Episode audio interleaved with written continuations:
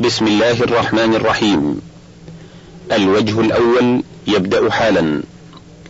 هذا هو كتاب الباعث الحثيث شرح اختصار علوم الحديث للحافظ ابن كثير من تأليف أحمد محمد شاكر. الناشر مكتبة المعارف بالرياض. يقرأ الكتاب عليكم الدكتور محمد السبيهين.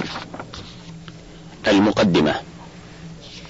الحمد لله رب العالمين الرحمن الرحيم مالك يوم الدين والصلاة والسلام على أشرف المرسلين وسيد الخلق أجمعين محمد بن عبد الله بن عبد المطلب وعلى آله وأصحابه ومن تبعهم بإحسان إلى يوم الدين.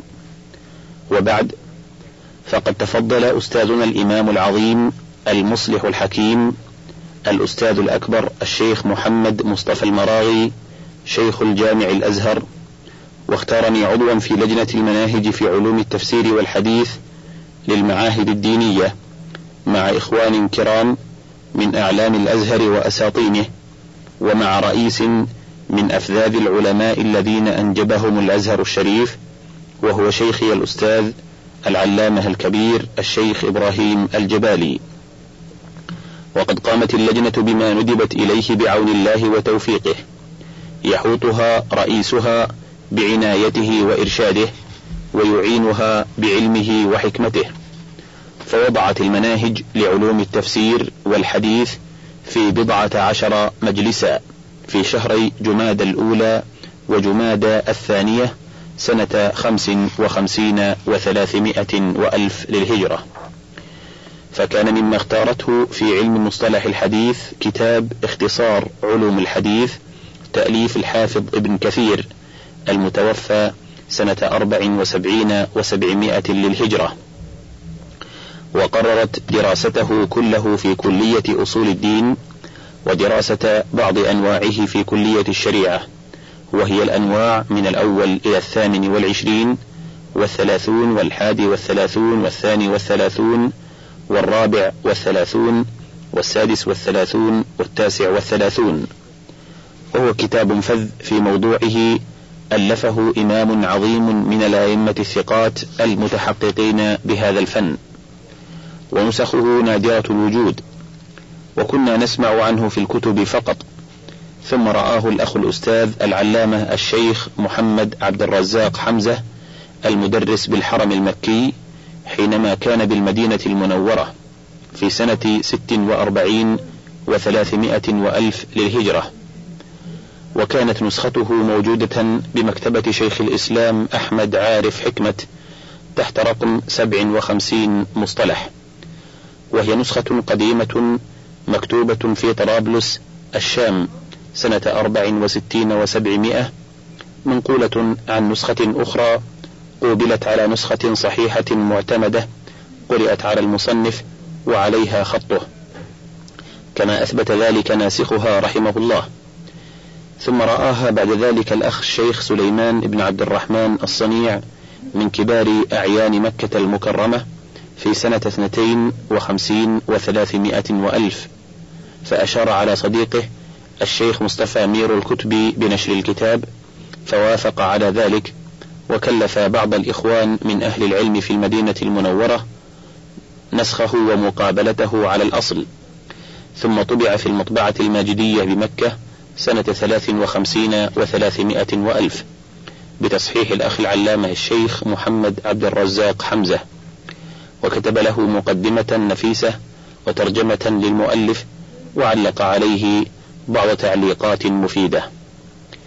ولما وافقت اللجنة على اختيار الكتاب للدراسة ولم يجد الطلاب منه نسخا من طبعة مكة وتعسر الوصول إليها مع تكرار الطلب أشار علي بعض الإخوان أن نسعى في إعادة طبعه بمصر ورغبوا إلي أن أصححه وأكتب عليه شبه شرح لأبحاثه مع تحقيق بعض المسائل الدقيقة في علم المصطلح. فبادرت إلى النزول عند إرادتهم. ووفق لنا الأخ الفاضل محمود أفندي توفيق الكتب بمصر وأجاب إلى طبع الكتاب. وقد قمت بتصحيحه والتعليق عليه كما التزمت بعون الله وتوفيقه وحرصت على أكثر الحواشي التي كتبها الأخ الشيخ محمد عبد الرزاق حمزة ورمزت إليها بحرف حاء ورمزت إلى ما كتبت بحرف شين أو تركته من غير رمز إليه. مصطلح الحديث وأثره في العلوم الشرعية والتاريخية وغيرها من سائر الفنون التي يرجع في إثباتها إلى صحة النقل والثقة به. فإن المسلمين اشتدت عنايتهم من عهد الصدر الأول بحفظ أسانيد شريعتهم من الكتاب والسنة بما لم تعنى به أمة قبلهم. فحفظوا القرآن ورووه عن رسول الله صلى الله عليه وسلم متواترا آية آية وكلمة كلمة وحرفا حرفا حفظا في الصدور وإثباتا بالكتابة في المصاحف حتى رووا أوجه نقطه بلهجات القبائل ورووا طرق رسمه في الصحف وألفوا في ذلك كتبا مطولة وافية. وحفظوا أيضا عن نبيهم كل أقواله وأفعاله وأحواله. وهو المبلغ عن ربه والمبين لشرعه والمأمور بإقامة دينه. وكل أحواله وأفعاله وأقواله بيان للقرآن وهو الرسول المعصوم والأسوة الحسنة يقول الله تعالى في صفته وما ينطق عن الهوى إن هو إلا وحي يوحى ويقول وأنزلنا إليك الذكر لتبين للناس ما نزل إليهم ولعلهم يتفكرون.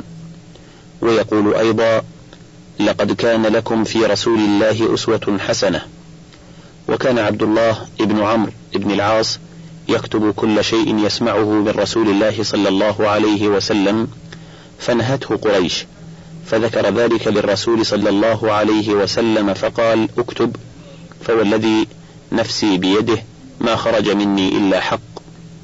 رواه أحمد في المسند بإسناد صحيح ورواه أيضا أبو داود والحاكم وغيرهما بمعناه. وأمر المسلمين في حجة الوداع بالتبليغ عنه أمرا عاما فقال وليبلغ الشاهد الغائب فإن الشاهد عسى أن يبلغ من هو أوعى له منه. رواه البخاري وغيره. وقال فليبلغ الشاهد الغائب فرب مبلغ أوعى من سامع. فرب مبلغ أوعى من سامع. رواه البخاري وغيره أيضا. ففهم المسلمون من كل هذا أنه يجب عليهم أن يحفظوا عن رسولهم كل شيء وقد فعلوا وأدوا الأمانة على وجهها ورووا الأحاديث عنه إما متواترة باللفظ والمعنى وإما متواترة في المعنى فقط وإما مشهورة وإما بالأسانيد الصحيحة الثابتة مما يسمى عند العلماء الحديث الصحيح والحديث الحسن. واجتهد علماء الحديث في رواية كل ما رواه عنه الرواه وإن لم يكن صحيحا عندهم. ثم اجتهدوا في التوثق من صحة كل حديث وكل حرف رواه الرواه ونقدوا أحوالهم ورواياتهم واحتاطوا أشد الاحتياط في النقل.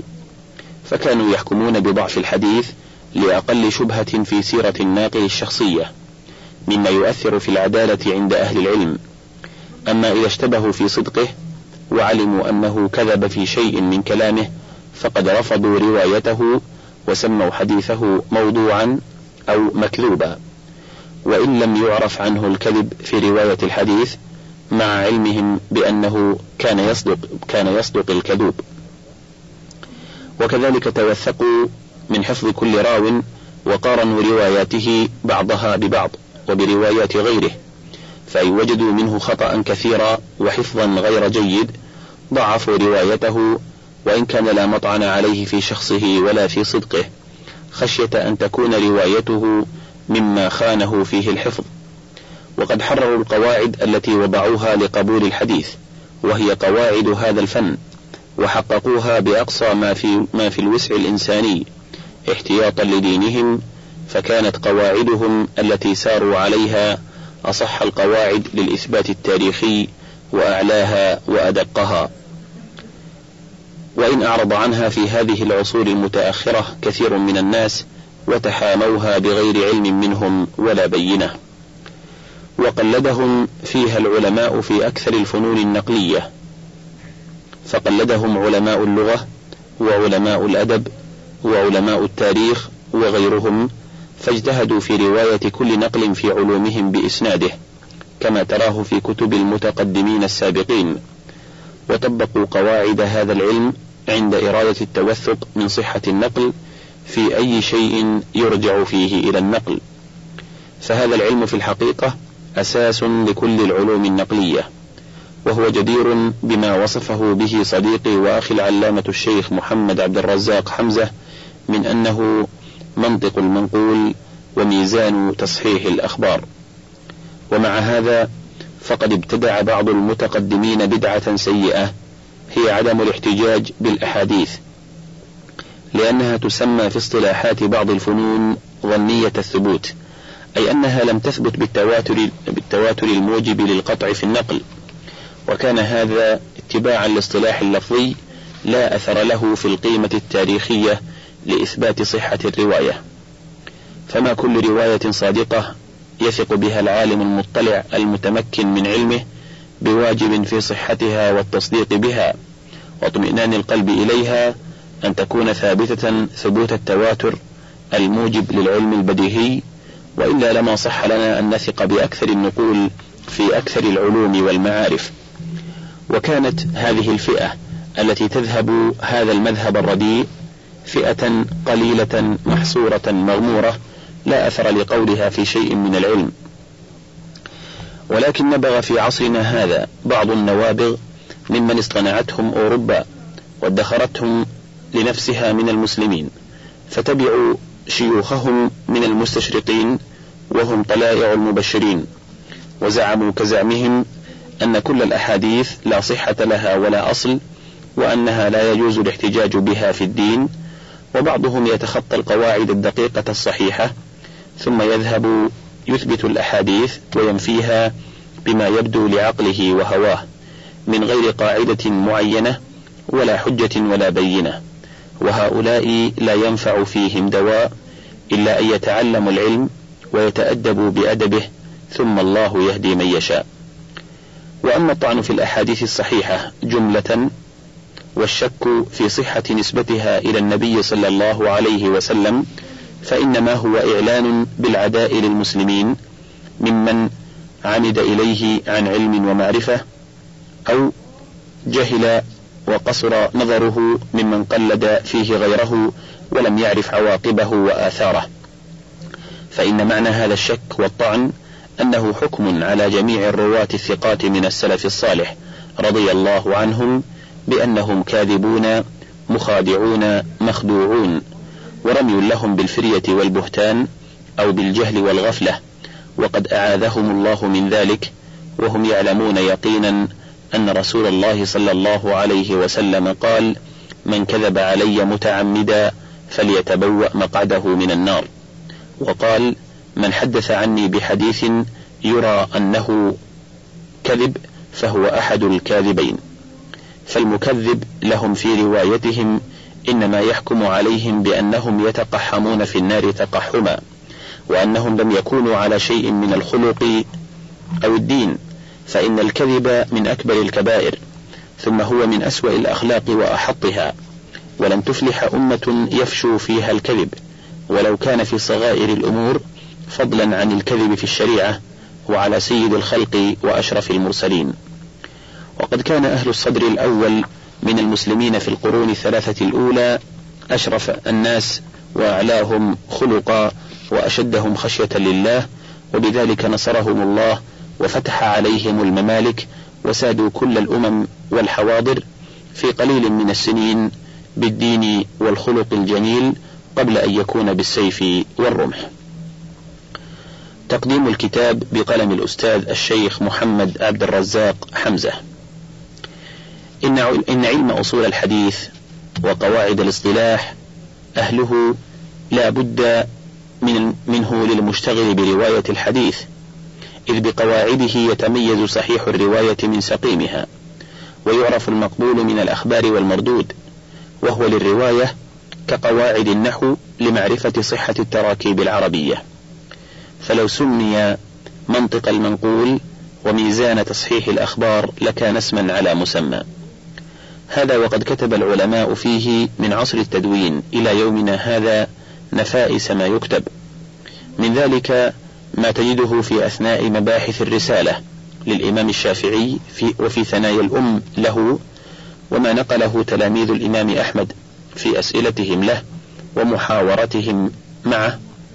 وما كتبه الإمام مسلم ابن الحجاج في مقدمة صحيحه ورسالة الإمام أبي داود السجستاني إلى أهل مكة في بيان طريقته في سننه الشهيرة وما كتبه الحافظ أبو عيسى الترمذي في كتابه العلل المفرد في آخر جامعه وما بثه في الكلام على أحاديث جامعه في طيات الكتاب من تصحيح وتضعيف وتقوية وتعليل. وللإمام البخاري التواريخ الثلاثة ولغيره من علماء الجرح والتعديل من معاصريه ومن بعدهم بيانات وافية لقواعد هذا الفن تجيء منتشرة في تضاعيف كلامهم حتى جاء من بعدهم فجرد هذه القواعد في كتب مستقلة ومصنفات عدة أشار إلى أشهرها الحافظ ابن حجر العسقلاني في فاتحة شرحه لنخبة الفكر فقال: فمن أول من صنف ذلك القاضي أبو محمد الرام هرمزي الحسن ابن عبد الرحمن الذي عاش إلى قريب سنة ستين وثلاثمائة. في كتابه المحدث الفاصل. لكنه لم يستوعب. والحاكم أبو عبد الله النيسابوري محمد بن عبد الله ابن البيع صاحب المستدرك على الصحيحين والإكليل والمدخل إليه في مصطلح الحديث وتاريخ نيسابور المتوفى سنة خمس وأربعمائة لكنه لم يهذب ولم يرتب. وتلاه أبو نعيم الأصبهاني أحمد بن عبد الله الصوفي صاحب حلية الأولياء والمستخرج على البخاري وغيرهما المتوفى سنة ثلاثين وأربعمائة. فعمل على كتابه مستخرجا وأبقى أشياء للمتعقب. وجاء بعدهم الخطيب أبو بكر البغدادي أحمد بن علي بن ثابت صاحب تاريخ بغداد وغيره المتوفى سنة ثلاث وستين وأربعمائة فصنف في قوانين الرواية كتابا سماه الكفاية وفي آدابها كتابا سماه الجامع لآداب الشيخ والسامع. وقل فن من فنون الحديث إلا وقد صنف فيه كتابا مفردا. فكان كما قال الحافظ أبو بكر ابن نقطة محمد ابن عبد الغني البغدادي الحنبلي المتوفى سنة تسع وعشرين وستمائة كل من أنصف علم أن المحدثين بعد الخطيب عيال على كتبه. ثم جاء بعدهم بعض من تأخر عن الخطيب فأخذ من هذا العلم بنصيب. فجمع القاضي عياض بن موسى اليحصبي الأندلسي المتوفى سنة أربع وأربعين وخمسمائة كتابا سماه الإلماع. وأبو حفص الميانجي جزءا سماه ما لا يسع المحدث جهله. إلى أن جاء الحافظ الفقيه تقي الدين أبو عمرو عثمان بن الصلاح عبد الرحمن الشهرزوري.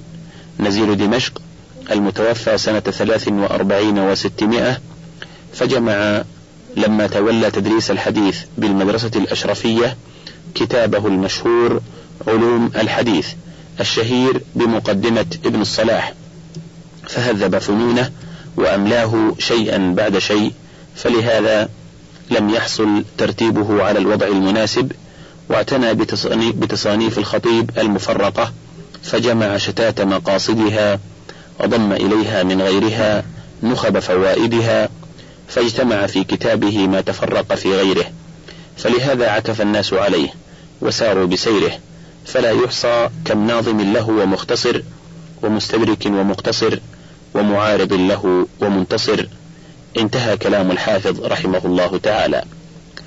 فقد ظهر لك بشهادة الحافظ ابن حجر أن كتاب ابن الصلاح رحمه الله جمع شتات الكتب وعيونها من كتب الخطيب الذي هو عائل علماء الفن بعده وغيرها ممن تقدمه وتأخر. ومبلغ عناية العلماء بها نظما وشرحا واختصارا.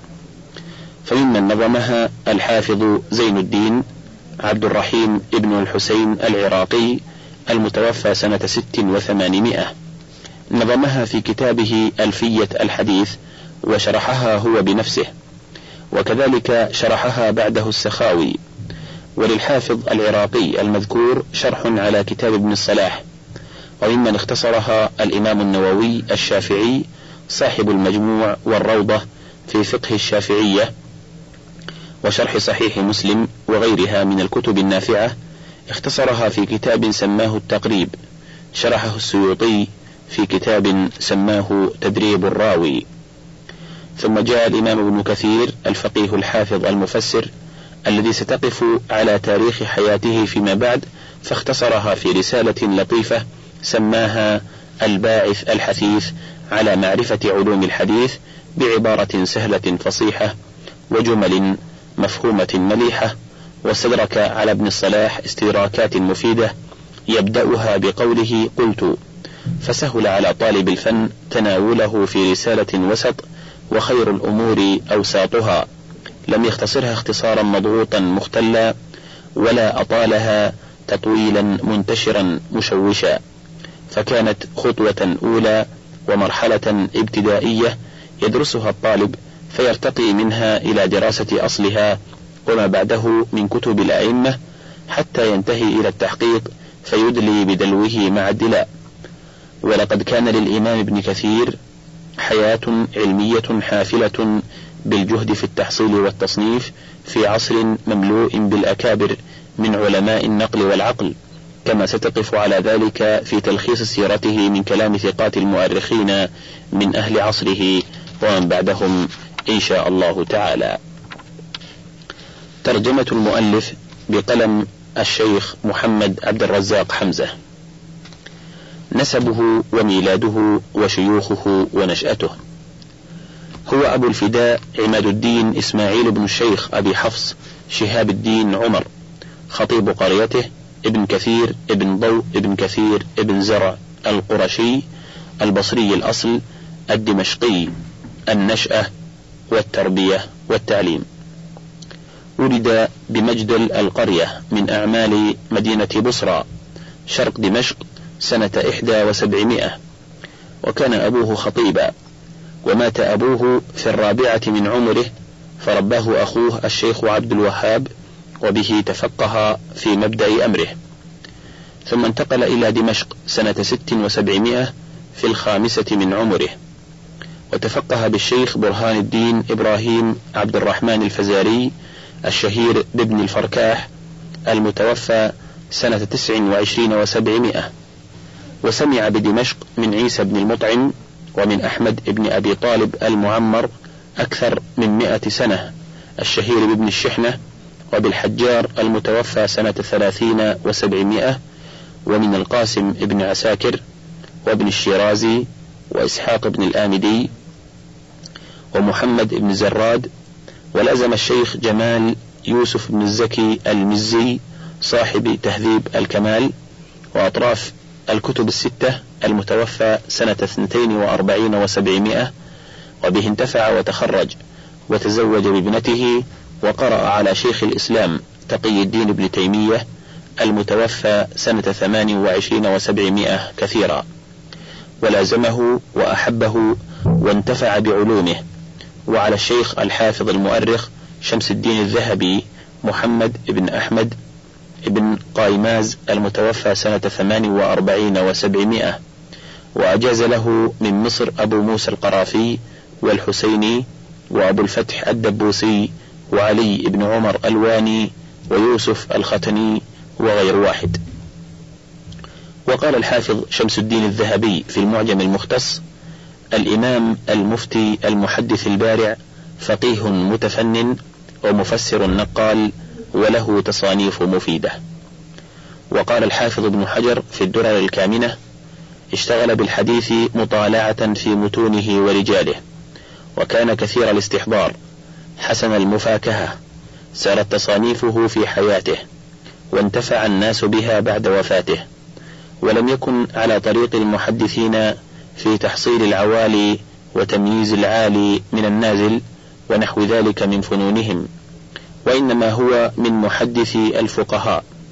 وأجاب السيوطي عن ذلك فقال العمدة في علم الحديث على معرفة صحيح الحديث وسقيمه وعلله واختلاف طرقه ورجاله جرحا وتعديلا. وأما العالي والنازل ونحو ذلك فهو من الفضلات لا من الأصول المهمة. وقال المؤرخ الشهير أبو المحاسن جمال الدين يوسف بن سيف الدين المعروف بابن تغري برد الحنفي في كتابه المنهل الصافي والمستوفي بعد الوافي الشيخ الإمام العلامة عماد الدين أبو الفداء. لازم الاشتغال ودأب وحصل وكتب وبرع في الفقه والتفسير والحديث وجمع وصنف ودرس وحدث وألف.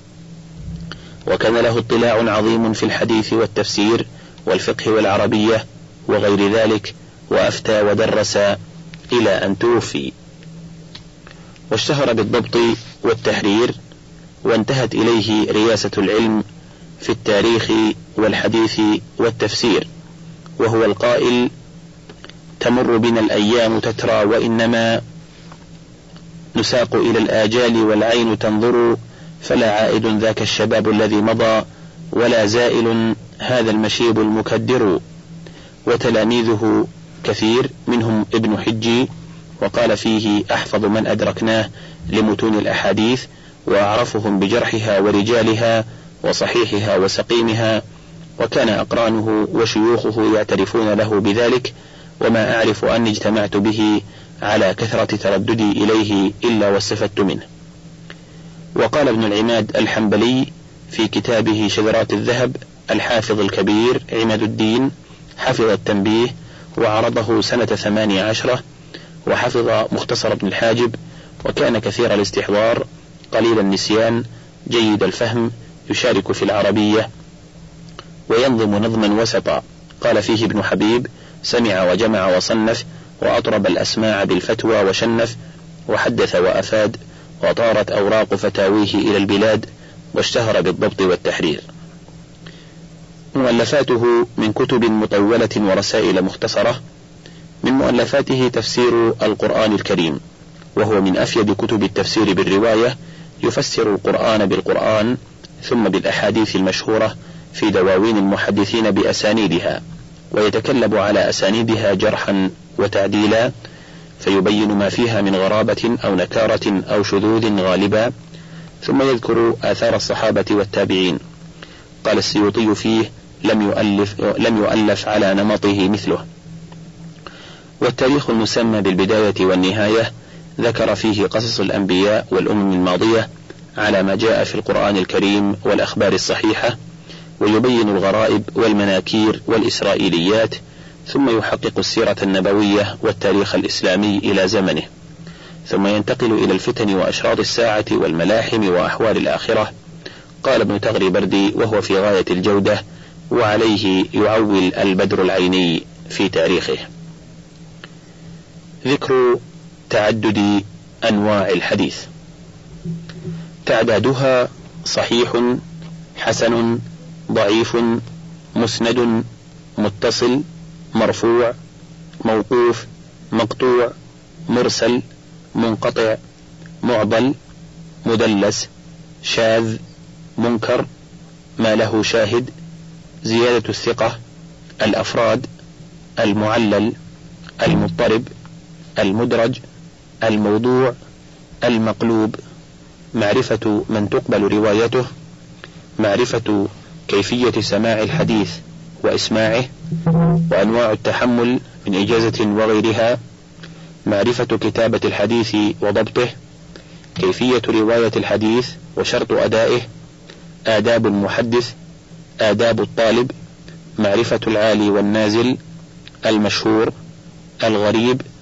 العزيز غريب الحديث ولغته المسلسل ناسخ الحديث ومنسوخه المصحف إسنادا ومتنا مختلف الحديث المزيد في الأسانيد المرسل معرفة الصحابة معرفة التابعين معرفة أكابر الرواة عن الأصاغر المدبج ورواية الأقران معرفة الإخوة والأخوات رواية الآباء عن الأبناء عكسه من روى عنه اثنان متقدم ومتأخر من لم يروي عنه إلا واحد من له أسماء ونعوت متعددة المفردات من الأسماء معرفة الأسماء والكنى من عرف باسمه دون كنيته معرفة الألقاب المؤتلف والمختلف المتفق والمفترق نوع مركب من اللذين قبله نوع آخر من ذلك من نسب إلى غير أبيه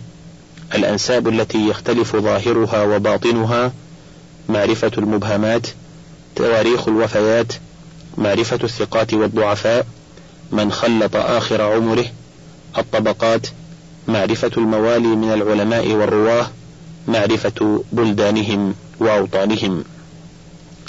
وهذا تنويع الشيخ أبي عمرو وترتيبه رحمه الله. قال وليس بآخر الممكن في ذلك فإنه قابل للتنويع إلى ما لا يحصى إذ لا تنحصر أحوال الرواة وصفاتهم وأحوال متون الحديث وصفاتها. قلت وفي هذا كله نظر بل في بسطه هذه الأنواع إلى هذا العدد نظر إذ يمكن إدماج بعضها في بعض وكان أليق مما ذكره. ثم إنه فرق بين متماثلات منها بعضها عن بعض وكان اللائق ذكر كل نوع إلى جانب ما يناسبه ونحن نرتب ما نذكره على ما هو الأنسب وربما أدمجنا بعضها في بعض طلبا للاختصار والمناسبة وننبه على مناقشات لا بد منها إن شاء الله تعالى. النوع الأول الصحيح تقسيم الحديث إلى أنواعه صحة وضعفا. قال اعلم علمك الله وإياي أن الحديث عند أهله ينقسم إلى صحيح وحسن وضعيف. قلت هذا التقسيم إن كان بالنسبة إلى ما في نفس الأمر فليس إلا صحيح أو ضعيف. وإن كان بالنسبة إلى اصطلاح المحدثين فالحديث ينقسم عندهم إلى أكثر من ذلك كما قد ذكره آنفا هو وغيره أيضا. تعريف الحديث الصحيح. قال أما الحديث الصحيح فهو الحديث المسند الذي يتصل إسناده بنقل العدل الضابط عن العدل الضابط إلى منتهاه ولا يكون شاذا ولا معللا. ثم أخذ يبين فوائده وما احترز بها عن المرسل والمنقطع والمعضل والشاذ وما فيه علة قادحة وما فيه رواية نوع جرح. قال وهذا هو الحديث الذي يحكم له بالصحة بلا خلاف بين أهل الحديث وقد يختلفون في بعض الأحاديث لاختلافهم في وجود هذه الأوصاف أو في اشتراط بعضها كما في المرسل. قلت فحاصل حد الصحيح أنه المتصل سنده بنقل العدل الضابط عن مثله حتى ينتهي إلى رسول الله صلى الله عليه وسلم أو إلى منتهاه من صحابي أو من دونه ولا يكون شاذا ولا مردودا ولا معللا بعلة قادحة وقد يكون مشهورا أو غريبا. وهو متفاوت في نظر الحفاظ في محاله ولهذا أطلق بعضهم أصح الأسانيد على بعضها. فعن أحمد وإسحاق أصحها الزهري عن سالم عن أبيه وقال علي بن المديني والفلاس وهو عمرو بن علي أصحها محمد بن سيرين عن عبيدة عن علي وعبيدة هو ابن عمرو ويقال ابن قيس السلماني بفتح السين وسكون اللام. وعن يحيى بن معين أصحها الأعمش عن إبراهيم عن علقمة عن ابن مسعود. وعن البخاري مالك عن نافع عن ابن عمر. وزاد بعضهم الشافعي عن مالك إذ هو أجل من روي عنه. والذي انتهى إليه التحقيق في أصح الأسانيد أنه لا يحكم لإسناد بذلك مطلقا من غير قيد بل يقيد بالصحابي أو البلد وقد نصوا على أسانيد أسانيد جمعتها وزدت عليها قليلا وهي أصح الأسانيد عن أبي بكر إسماعيل ابن أبي خالد عن قيس بن أبي حازم عن أبي بكر وأصح الأسانيد عن عمر الزهري عن عبيد الله بن عبد الله بن عتبة عن ابن عباس عن عمر والزهري عن السائب بن يزيد عن عمر. وأصح الأسانيد عن ابن مسعود الأعمش عن إبراهيم عن علقمة عن ابن مسعود وسفيان الثوري عن منصور عن إبراهيم عن علقمة عن ابن مسعود وأصح الأسانيد عن ابن عمر مالك عن نافع عن ابن عمر والزهري عن سالم عن أبيه ابن عمر.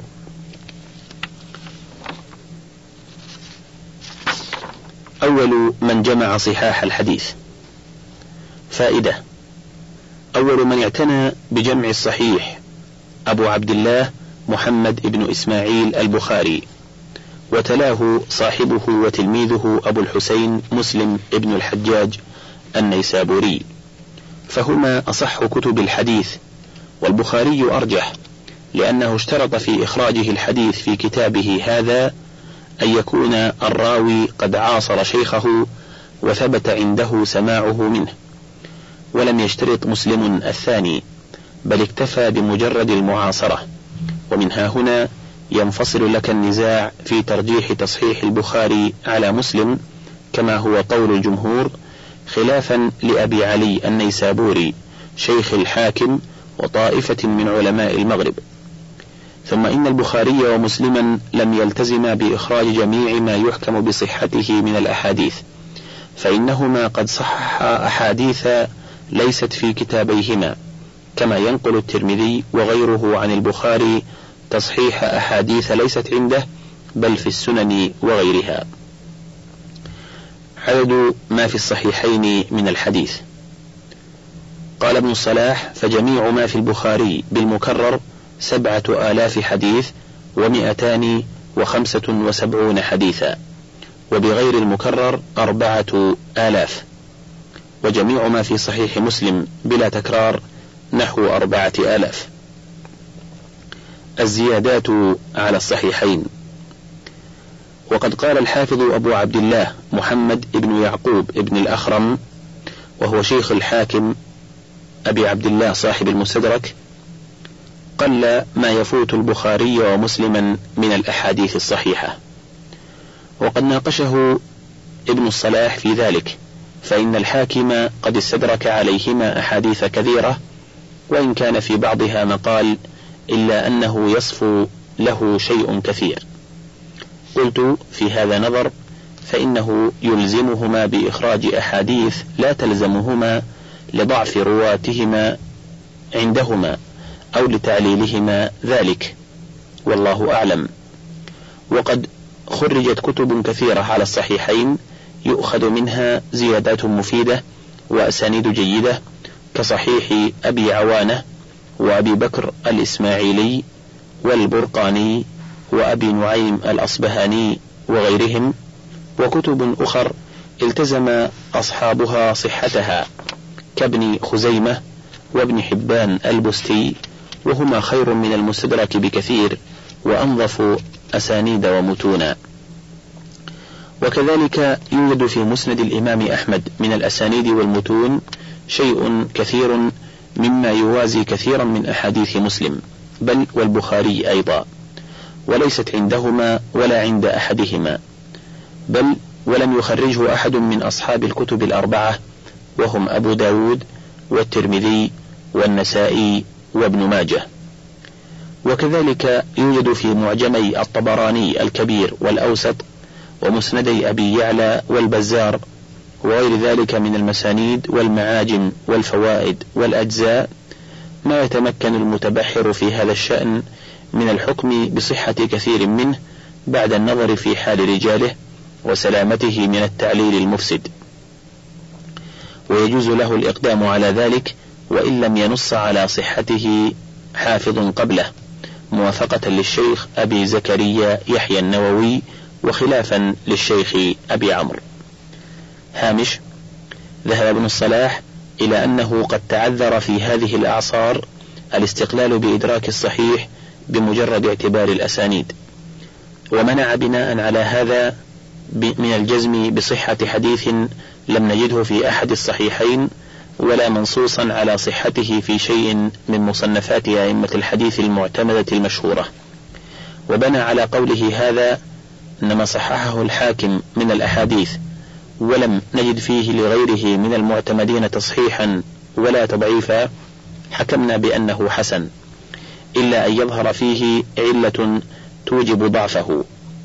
وقد رد العراقي وغيره قول ابن الصلاح هذا وأجازوا لمن تمكن وقويت معرفته أن يحكم بالصحة أو بالضعف على الحديث بعد الفحص عن إسناده وعلله وهو الصواب والذي أراه أن ابن الصلاح ذهب إلى ما ذهب إليه بناء على القول بمنع الاجتهاد بعد الأئمة. فكما حضر الاجتهاد في الفقه أراد ابن الصلاح أن يمنع الاجتهاد في الحديث. وهيهات فالقول بمنع الاجتهاد قول باطل لا برهان عليه من كتاب ولا سنة ولا تجد له شبه دليل. وقد جمع الشيخ ضياء الدين محمد بن عبد الواحد المقدسي في ذلك كتابا سماه المختارة ولم يتم. كان بعض الحفاظ من مشايخنا يرجحه على مستدرك الحاكم والله أعلم. وقد تكلم الشيخ أبو عمرو بن الصلاح على الحاكم في مستدركه فقال وهو واسع الخط في شرح الصحيح متساهل بالقضاء به فالأولى أن يتوسط في أمره. فما لم نجد فيه تصحيحا لغيره من الأئمة فإن لم يكن صحيحا فهو حسن يحتج به إلا أن تظهر فيه علة توجب ضعفه. قلت في هذا الكتاب أنواع من الحديث كثيرة. فيه الصحيح المستدرك وهو قليل وفيه صحيح قد خرجه البخاري ومسلم أو أحدهما لم يعلم به الحاكم وفيه الحسن والضعيف والموضوع أيضا. وقد اختصره شيخنا أبو عبد الله الذهبي وبين هذا كله وجمع فيه جزءا كبيرا مما وقع فيه من الموضوعات وذلك يقارب مئة حديث والله أعلم. انتهى الوجه الأول.